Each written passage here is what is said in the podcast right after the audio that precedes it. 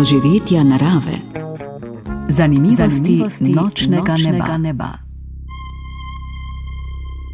Marčevski astronomski pozdrav, lep dober dan oziroma dober večer. Danes gremo med komete. E, o zelenem lepotcu smo že veliko govorili tudi v prejšnji oddaji, danes se bomo z njim slikali oziroma ga slikali. Ja, tako je, ja, sej povabili smo slovenskega astrofotografa, ki ga je tega lepotca ujel. In v enem bomo predstavili tudi observatorij Resman, blizu Kamnika, ki ima 24 let eh, že, tako da je bo stvar zanimiva. Ja, kmalo bo srebrni jubilej, ob tem pa napovedujejo tudi, da bodo posodobili tisti glavni teleskop. Ja. Tako, eh, da bomo vedeli, kaj je komet, eh, pa prisluhnimo razlagi, kaj komet sploh je. Komet izhaja iz grške starogrške besede kometes, zvezda z lasmi, ta pa izhaja iz kome, kar pomeni lasje ali repatica. Je majhno astronomsko telo podobno asteroidu, vendar sestavljeno pretežno iz ledu. Skoraj vsa masa kometa je v njegovem jedru, ki je sestavljeno iz kamenja, niklja ter železa. Ti delci so med seboj povezani z ledom, Ko se komet približa Soncu, se ta led spremeni v plin. Ta plinasti oblak pa se potem razporedi okrog jedra kometa in nastane koma. Koma je plinasta in prašna ovojnica jedra. Sončev veter potem odbija delce prahu iz kome in pojavi se dolg rep, ki je dolg tudi do 100 tisoč km in je usmerjen stran od Sonca. Najbolj znan komet je Halijev komet, ki ima obhodno dobo 76 let. Toliko za uvod, lepo vabljeni k poslušanju današnjih zanimivosti nočnega neba. Spoštovani ljubitelji astronomije, danes v našem studiu, poleg avtorja oddaje, profesorja Kama, pozdravljam gosta Rok Palčič, pozdravljeni, dober dan pri nas. Dober dan. Torej, Boris, še en gost, ki bo prinesel pogled morda v vesolje, v nočno nebo. Zakaj ste ga izbrali, kje ste ga našli, če tako rečem? Sneli, ja, bi ja. rekli lahko. No, prvo imamo to srečo, da je v Sloveniji, ki je veliko v tujini in zaseden. No, komet, eh, ki nas eh, januarja, februarja navduševal, to znameti C2022 E3. Upazili smo, da je v slovenski astronomski reviji Spika v februarski številki letošnji objavil čudovito sliko, oziroma dve sliki tega znamenitega kometa iz eh, Španije, ker pri nas, veste, vse januarja je bilo slabo vreme. No, drugega so pa posneli kar v Sloveniji, v bližini Kamnika na eh, observatoriju Resman. Komet je pokazal vso svojo lepoto in veličino. In eh, čudovita slika tudi na naslovni strani revije je, in zato smo ga povabili, da bo nam razložil, kako je ujel ta komet, in nam tudi povedal, kako je z njegovim stopanjem v astronomijo. Ampak ne bomo ostali samo pri tem, pogovarjali se bomo tudi o observatoriju Resman, ki že 24 let zre v zvezdnato nebo.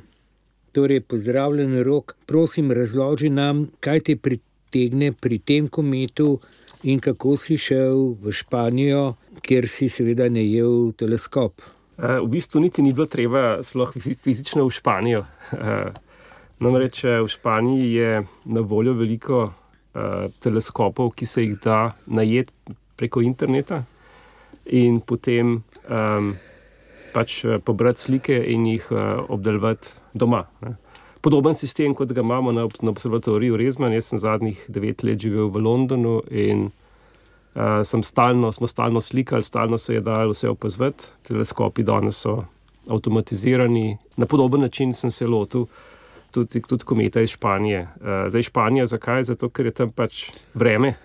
uh, januarja je uh, bilo super lepo, tudi zdaj je, ne, recimo v teh dneh, ko, ko imamo oziroma bi lahko videli polarni sil v Sloveniji, pa kot se kaže, ne bo. Uh, tam se ga bo, no, mogoče Španija malo pre, preveč južno, ampak uh, vremensko je tam pač precej boljše. Uh, sicer pa takih uh, observatorijev, ki dajo možnost najema teleskopov, um, v zadnjih letih kar precej. Čile je verjetno ja, najbolj znan. O tem smo veliko krat ja. govorili v oddaji, ne? ampak ja. za druge po Evropi pa še nismo slišali, ja. vse ne smo ja. govorili. Ne? Ja, ampak ta v Čilu je pač slovenski, ne?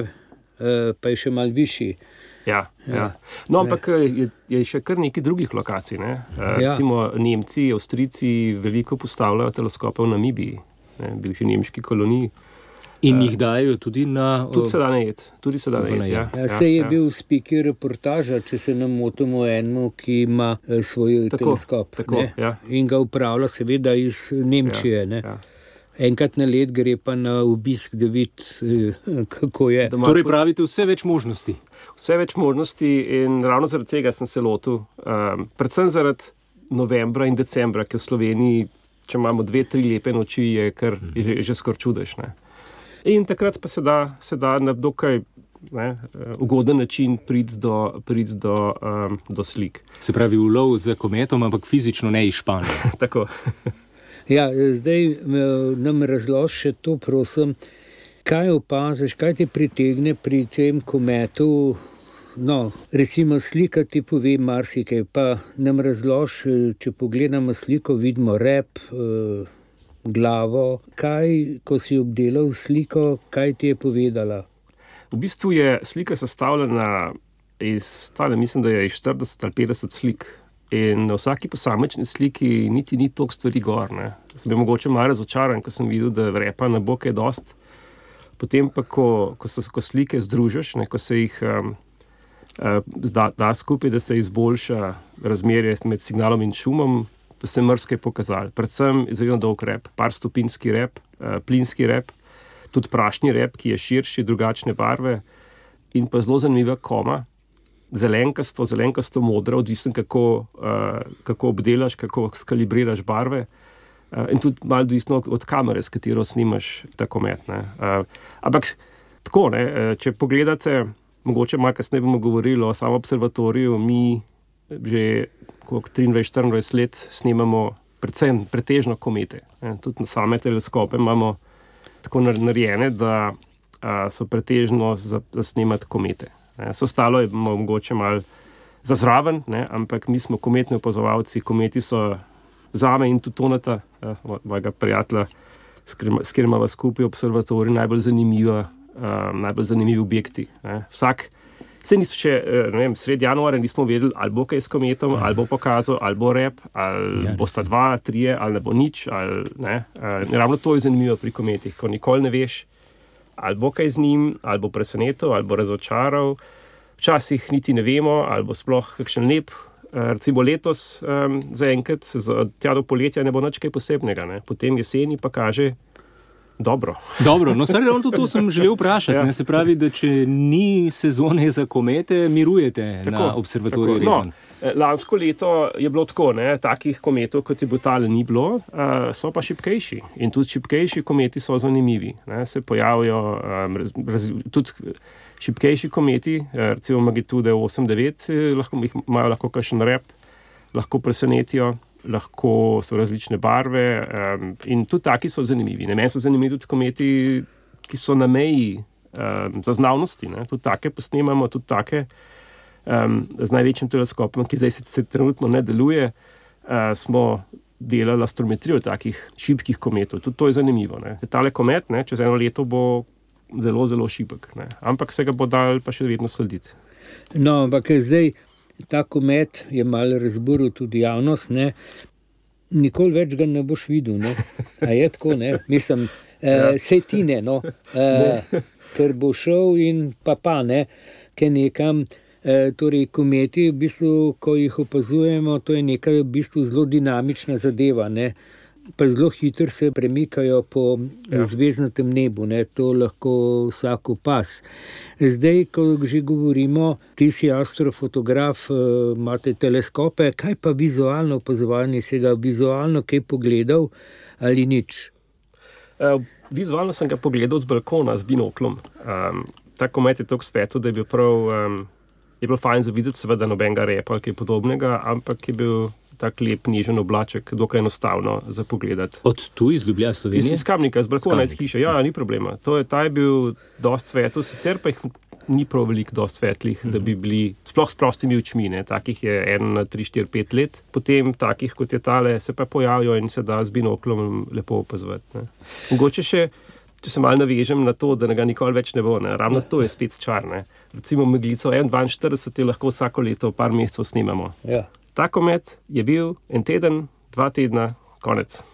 Ne? Tako lepe slike se ne bo več dal narediti. Ravno zato je fajn imeti možnosti to posneti. Sploh, recimo, še eh, par dni kasneje bil zraven Marsa, recimo, super ja. slika, ki nismo, sploh, nismo mogli objaviti v spiki, ki je bilo prepozno, ampak take zanimive stvari eh, se ne, ne zgodijo prav pogosto, sploh pa s tem kometom. Ne? In uh, bodo lahko otroci gledali nekaj na fotografiji, česar sami ne bodo mogli ne. videti. Ne?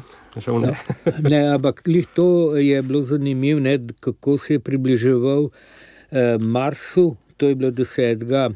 februarja, eh, ker sem ga jaz opazoval, ko sem bil na smutku v Dolomitih, ne, z binoklom, z, z danogledom 10x50 in se je res eh, ubasta bila notara. Ne. Kolegi no, so tu slikali, jaz sem eh, pač vizualc bil, tak str klasičen, morda. Eh, ampak eh, rad bi pa pripomnil, eh, ti si rekel, da se kometu rep ni videl z binoklom. Ja, verjamem, da se ni videl iz kamnika, ampak mi, ki smo bili 30. januarja proti jutru, ki je luna zašla, sem ga jaz na voglu gledal z binoklom in sem opazil rahel repa. Ne? Nam rekel, da je bil čudovit, tako kot na sliki. Helbop, ne recimo. Ja, ampak, eh, ko imaš malo izkušen z opazovanjem, si ga opazil, recimo, uh mhm. -huh. tako meni grede. Torej, eh, ob tem eh, bi rad povdaril, da se da tudi z preprosto opremo marsikaj videti na nebu. Morda še kakšno besedo o tem, kako si se pripravil na opazovanje v Španiji in kako ste, da ste približno ujeli eh, komet na vašem observatoriju pri Kamniku, Rezman. Priprave torej. Ja. Ja, pravzaprav zelo enostavno. Um, v Španiji je pač treba izbrati primeren teleskop za, za posnetek komet, kar pomeni, da mora biti zorno polje precej veliko. Um, in zato sem se odločil za 13 cm teleskop. Se pravi, nekaj posebnega, nič posebej velikega, um, ampak um, glede na velikost kometa, glede na dolžino repa, je bilo treba nekaj podobnega dobiti. Zdaj ti teleskopi so tudi kar precej zasedeni, tako da sem mogel že par dni prej naročiti in sem ga potem, uh, mislim, da 4-5 dni zapored sem dajal zahtevke, da so mi ga posneli. Um, ker tudi drugi, nisem bil edini, ki sem ga slikal uh, s tem teleskopom iz te lokacije, tako da je treba imeti čas tudi malo srečo, da, da prideš zraven ta pravi čas, da ni Eh, ker imajo tudi drugi eh, pač astronomi različne projekte, s katerimi lahko najamejo teleskop za dva, tri meseca, pol leta, eno leto in potem ne prideš zraven. Da ne govorimo o vremenu. To pa sploh ne. Ampak v Španiji ni bil problem. Uh -huh. uh, to, je bil, to je bil problem tle. Ne. Mi smo ga posneli decembra. Eno noč, ki je bil še šibak, potem pa do, mislim, da 31. januarja enostavno ni bilo vremena. Ni bilo, ja. In še leta slika, recimo, mislim, iz 31. januarja, to je bil prvič, ko smo ga potem na hitro ujeli, precej proti jutru, ko je, ko je luna zašla. Ne, še, to, še to je bolj, bolj uh, za silo, takrat je v bistvu najboljši. Ne. Tako da ta naj, najboljši del, bi jaz rekel, smo uh, nekako zamudili. Ampak je bilo potem še prva, prvi teden, dva februarja, je bilo še kar precej dobro, kar precej v redu. Uh, se pravi, gre za komercialno oddajanje, je treba plačati tako, za. Ja? Tako. Uh -huh. Jaz sem recimo, da, niti ni to grozno drago, mislim, da je bilo 20-18 evrov na, na sliko, se pravi na, na uro, kar ni to um, je dosegljivo, uh, posebej, ker to posnameš, sem pa tja, ne, ni zdaj to ne vem, kakšna reč. Drugače pa, če pošlješ teleskop, tja, recimo, tako, ki je uh, teleskop ga učil, tiste pa precej draže, ne, ki treba. Um, Imeti tam nekoga, ki, ki zna, kaj je to tudi porihtati, treba se plačati. Tako kot nas tudi observatori stane, zdaj neč ni za ston. Ja. Ampak veliko dobre volje je tega bilo, da ste ga postavili pred 24 leti. V današnjih zanimivostih nočnega neba gostimo astrofotografa Roka Pančiča, ki ga je povabil profesor Boris Kam. Zdaj sva povedala skoraj vse o kometu, kako ga slikate. Povedal si, da imamo 50 slik potrebnih. Eh, zdaj pa se lotva tega observatorija eh, pri Kamniku, Tone Špenko in tiste nekako duši tega observatorija. Pa nam povej, poklepetajmo o tem, kako ste začeli s tem observatorijem, da ste ga postavili ravno tam in kaj počnete. Um, sama ideja je prišla iz čisto praktičnega razloga.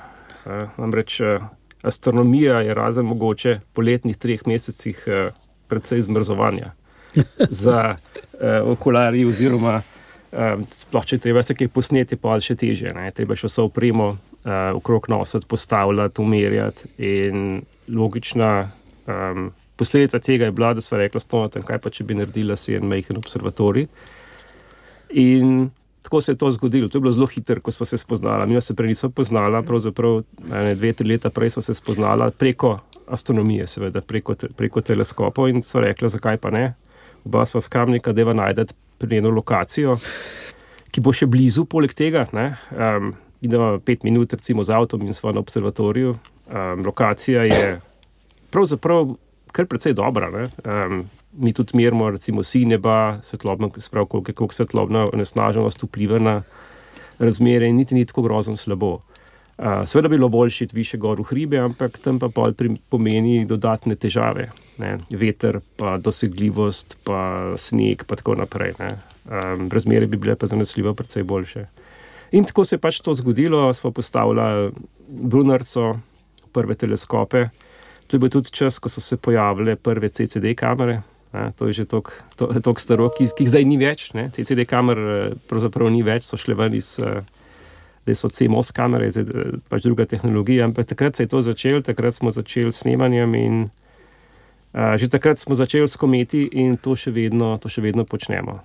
Vmes smo dodali še par drugih stvari, a, recimo tretji član na observatoriju, Javorkat, se ukvarja z, predvsem z opazovanjem meteorjev, a, utrinkov. Ne, to je zelo zanimiva um, stvar v astronomiji. Zato imamo posebne namenske kamere, kjer, ki se ki opazujejo nočno nebo, praktično tudi po dnevi, če se kaj zgodi. Tako da je um, to, to še dodatna, dodatna stvar, ki jo opazujemo na observatoriju. Ja, kakšne teleskope imate? Tukaj sem zasledil v tej zadnji spiki, govoriš tudi, da si manjši teleskop v sodobu koliko ima ta primer in koliko ima ta največji. Če pogledamo slike observatorija, ki sem jih gledal, ima tudi eno malo večji eh, teleskop z večjo ogledalom. Ja. Ja. To no. je bil 56 eh, cm teleskop, ki pa smo ga zdaj uh, razstavili. Imeli smo neke težave z optično cevjo, tako da zadnje dve, tri leta v bistvu ne deluje. In smo se odločili s tom za um, posodobitev.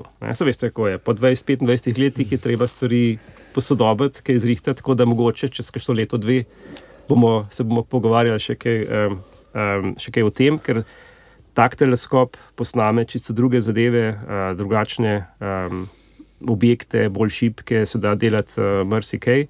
Um, recimo za slikanje tega kometa, pa smo uporabili zelo majhen, um, 11 cm refraktor, um, mehna zadeva, mehen teleskop, uh, ampak je pa optično izjemno dober. Um, velikanska kamera, polnega formata, z dobro nastavitvijo, da ni treba posebej korigirati uh, sledenja. Vse je avtomatizirano, dela, lahko ga zdaj le odpremo in uh, kaj posnamemo, sicer je pač uh, dan in, in ne, ne, ne vem, če bi mogli narediti, ampak vse, vse, je, uh, vse je res rihten, tako je treba. Uh, optično, mehansko, uh, in tudi, seveda, programska oprema, vse to, vse to smo naredili. Um, to vzame kar nekaj časa, pa tudi prav poceni. Res pa je, da je majhen teleskop, tako da to je kljub vsemu še vedno dosegljivo. Potem srednji teleskop, s katerim to največ um, snema in tudi uh, v, v reviji Spiki objavi veliko posnetkov, pa ima 30 cm uh, reflektor. Ta. S tem se da posnet pa že tudi kakšne bolj šipkejše stvari, takrat, recimo, ko je sušno leto za take velike teleskope, s tem, lahko, s tem je vedno 10, 15, 20 in več kometov eh, vsako noč, ki se jih da, se jih da posneti. Kaj pa planeti? Včasih so zelo zanimivi, so zelo visoke, recimo zdaj je bil Mars uh, ugoden za opazovanje, tudi kaj z Marsom počnete, oziroma s, s planeti. V bistvu ne. Uh, to ne včasih pocnil uh, Sonce. Pege je sledil kar precej razne izbruhe, sicer pa za planete nimamo, uh, naši teleskopi, kot sem povedal, so pretežno namenjeni, recimo najmanjši 11 cm za komete, ki so na magnitude 3, 4, 5, tukaj bo recimo ta, srednji za tam 7, 8, potem največji pa za najšipkejši. Tako smo nekako um, se odločili postaviti. Zdaj, če bi hotel kakšen planet posneti, treba imeti pa dolgo goriščno razdaljo, ne? uh, 5 metrov in več. Uh, in to je pa pol, uh, to je pa spet čist drug teleskop in druge. Ne bomo rekel, da nikoli ne bomo tega naredili, stvari so vedno zanimive, kaj pa vem, mogoče nas prime. In uh, se od kometov preusmerite v planete. planete. torej, kako ste prišli, da ste se jih odločili uh, pri kamniku postaviti, uh, kdo pa kaj popas na ta observatorij, imate kaj varnostne sistema? Ja, to je vedno, to je vedno problem. Ne? Seveda imamo uh, varnostne sisteme, varnostne kamere, alarme in tako naprej, absolutno. Uh, tudi nikoli ne, točno ne povemo, kje je. Uh -huh. uh, čeprav, če, če bi kdo hotel poiskati, bi verjetno najdel observatorij. Uh, ni tak problem, ampak uh, pa tudi tako je. Ne? Sami teleskopi in kamere so zelo osko namenjeni, so zelo namenski. Ne? In jih je pravzaprav težko prodati, oziroma karkoli pametnega s tem narediti. Ta večji teleskop je tudi. Um, precej čez 500 eh, kg, tako da ga tudi ne more, ne more odnesti. Ampak vse, ne, lahko se pa naredi škoda, lahko je pač kaj tasga in zato imamo določene varnostne, varnostne zadeve. Niste pa imeli še kakšnih takšnih težav do zdaj? Ne, v 24 no. letih ne. Pride mrsi kakšen gor, pa gleda okrog, to vidimo po kamerah, ne. ampak da bi pa proval noter, to, pa, to se pa še ni zgodilo. Naj tako ostane. Tako, ja. Ali kje objavljate to, kako to pride v javnost, ali samo za osebno zbirko? Pomete objavljamo na naši spletni strani. Tam so, mislim, najstarejši od leta 2003. Imamo lepo, lepo zbirko. galerijo, zbirko. Ne. Tam se tudi vidi, kako smo.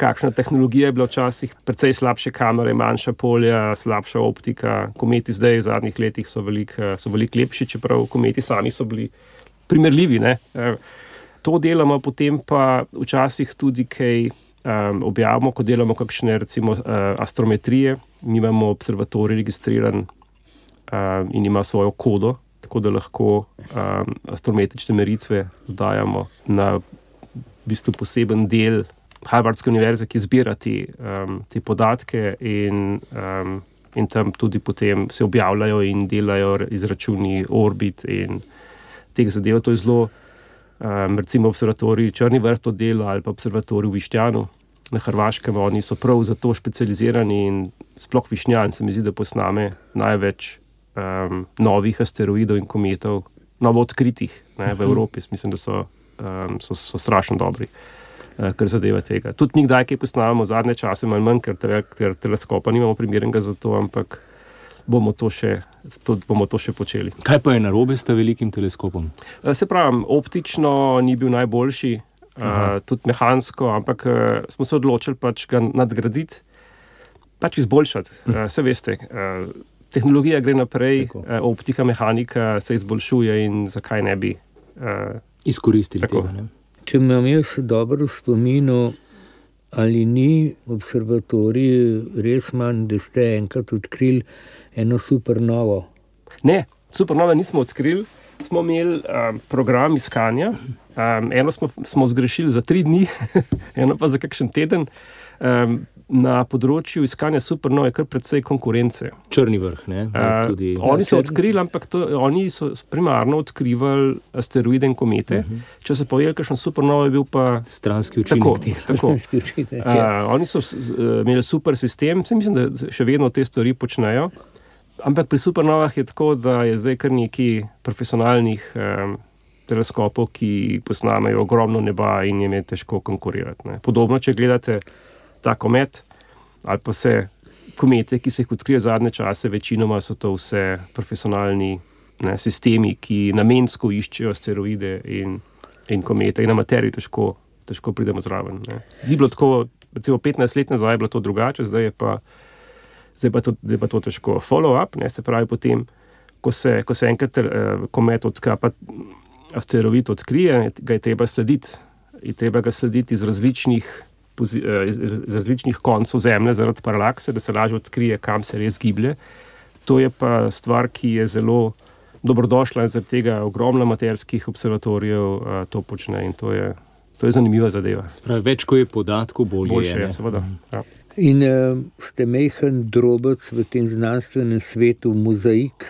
Ne, če gledamo mozaik, ki, se, ki ga naredi recimo, nek umetnik, kamenček na kamenček in da celotno sliko, tako tudi vi prispevate veliko k temu.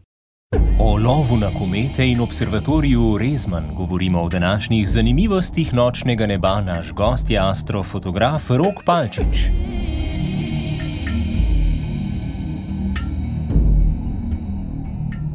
Observatorij živi in dela, zdaj pa kako si ti za jadro v astronomijo, kaj te je pritegnilo, da si te prve korake naredil tam pred kakšnimi 30 leti, če je observatorij star 24 let. Ja.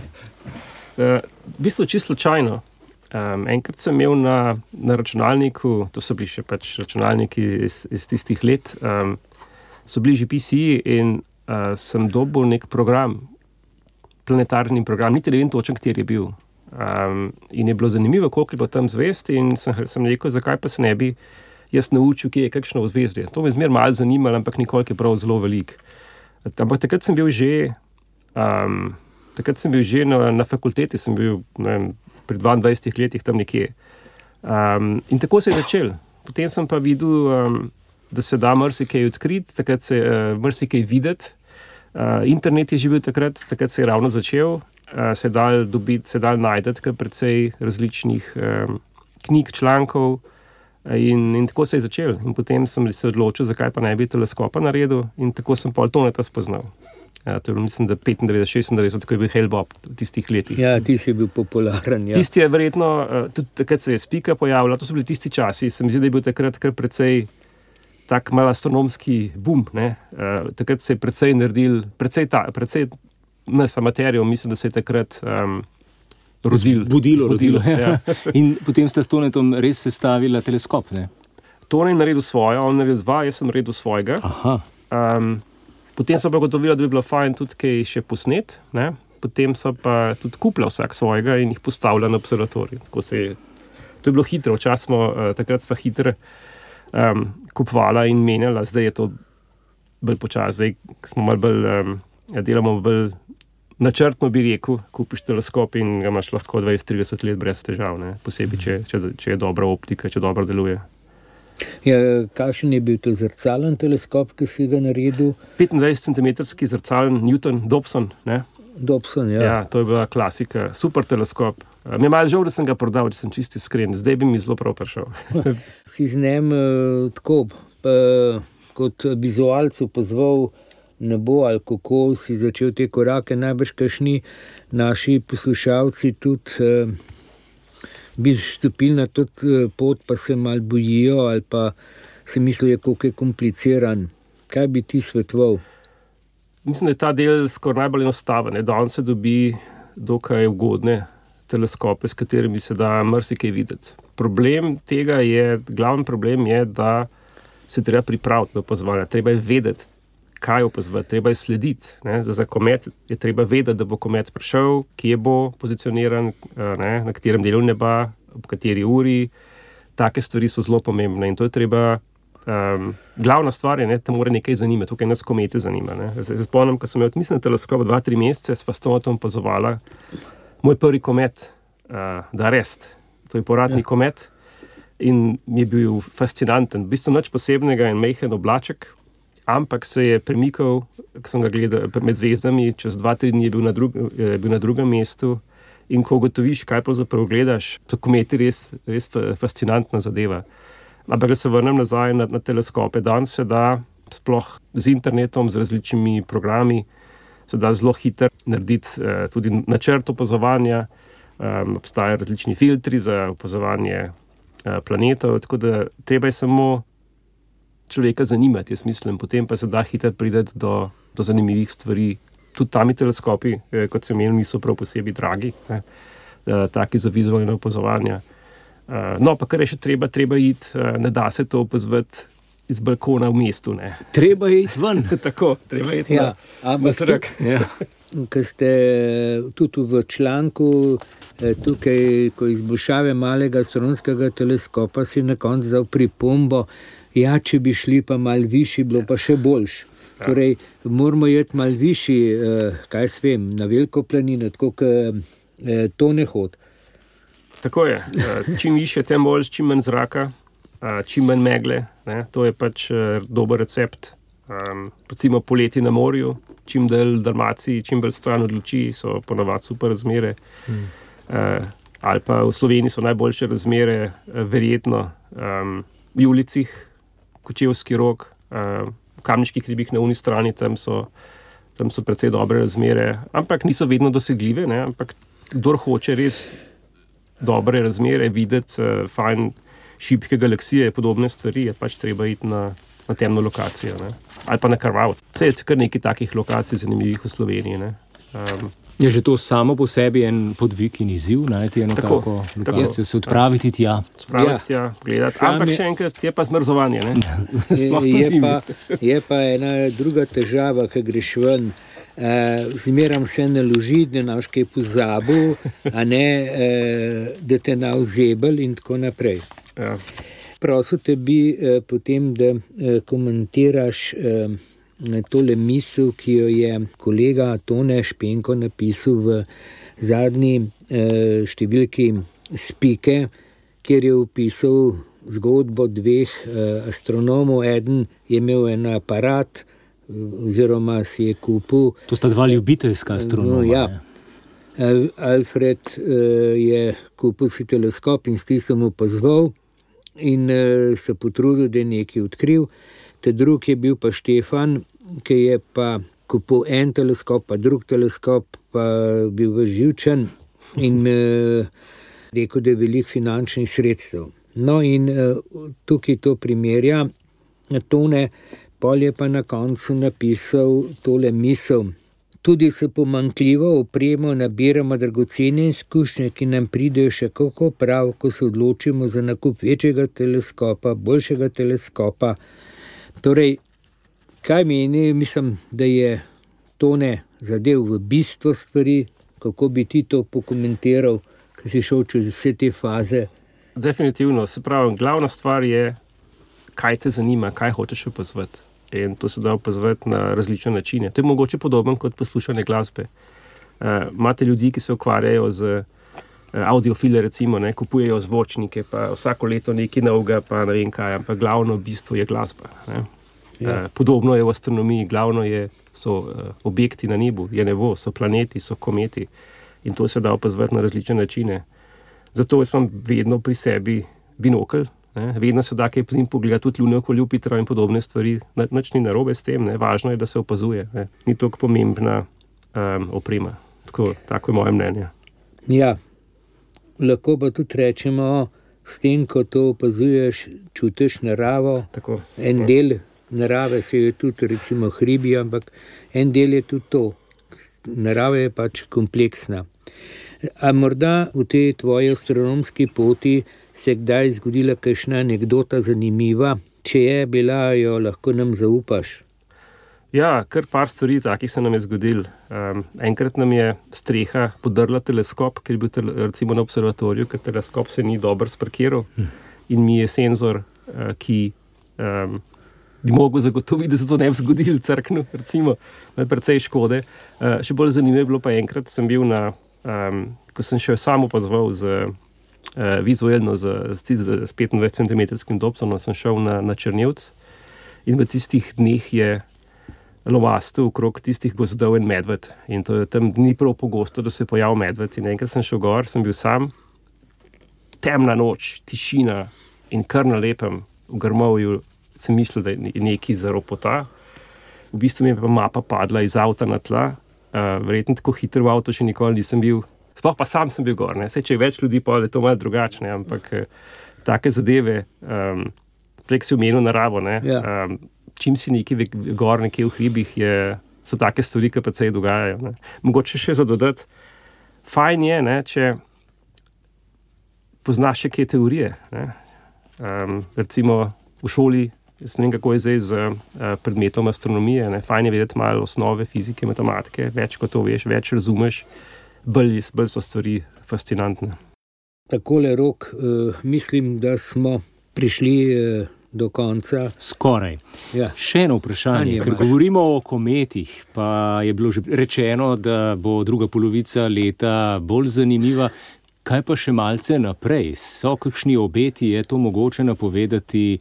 Imate lovci na komete take termine, kot jih imajo, recimo, lovci na sončne mrke?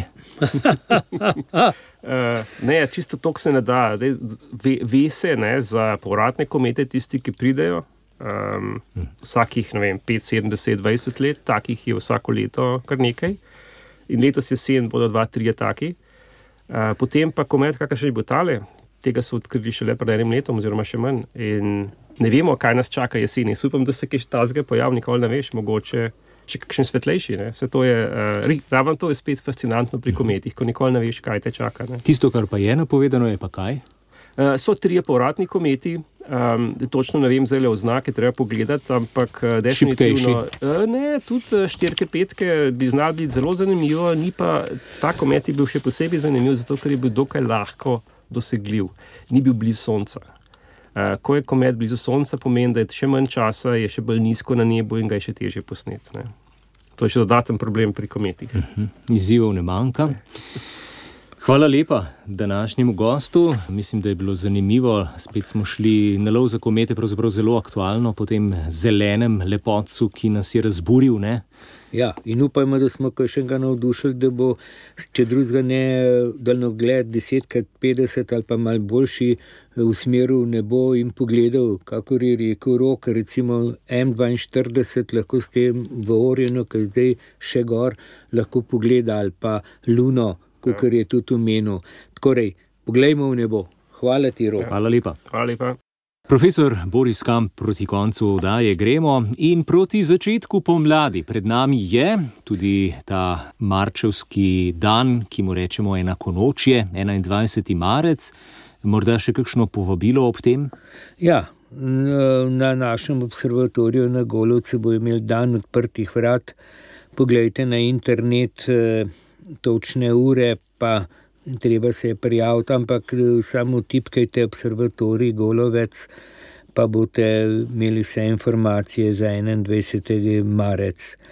Pomlad prihaja in seveda zdaj bojo čar na nebu, pomladansko zvezdja, eh, kakor je v zvezdje Herkula, seveda boste našli ravno tako eh, velik in mali voz. Iz našega pogovora ste lahko zasledili, da lahko le pre, že preprost daljnogled odkrije marsikatero zanimivost. Spet se bo lepo videla rimska cesta, torej daljnogled pod roke, pa ven iz mesta, da se malo ohladimo in podrimo v prostranstva nočnega neba in vesolja. Hvala lepa spet za to spodbudo, povabilo, naj bo tako in lepe noči do aprila, ko se spet slišimo. Tako je, nasvidenje. Doživetja narave. Zanimivosti, Zanimivosti nočnega, nočnega neba. neba.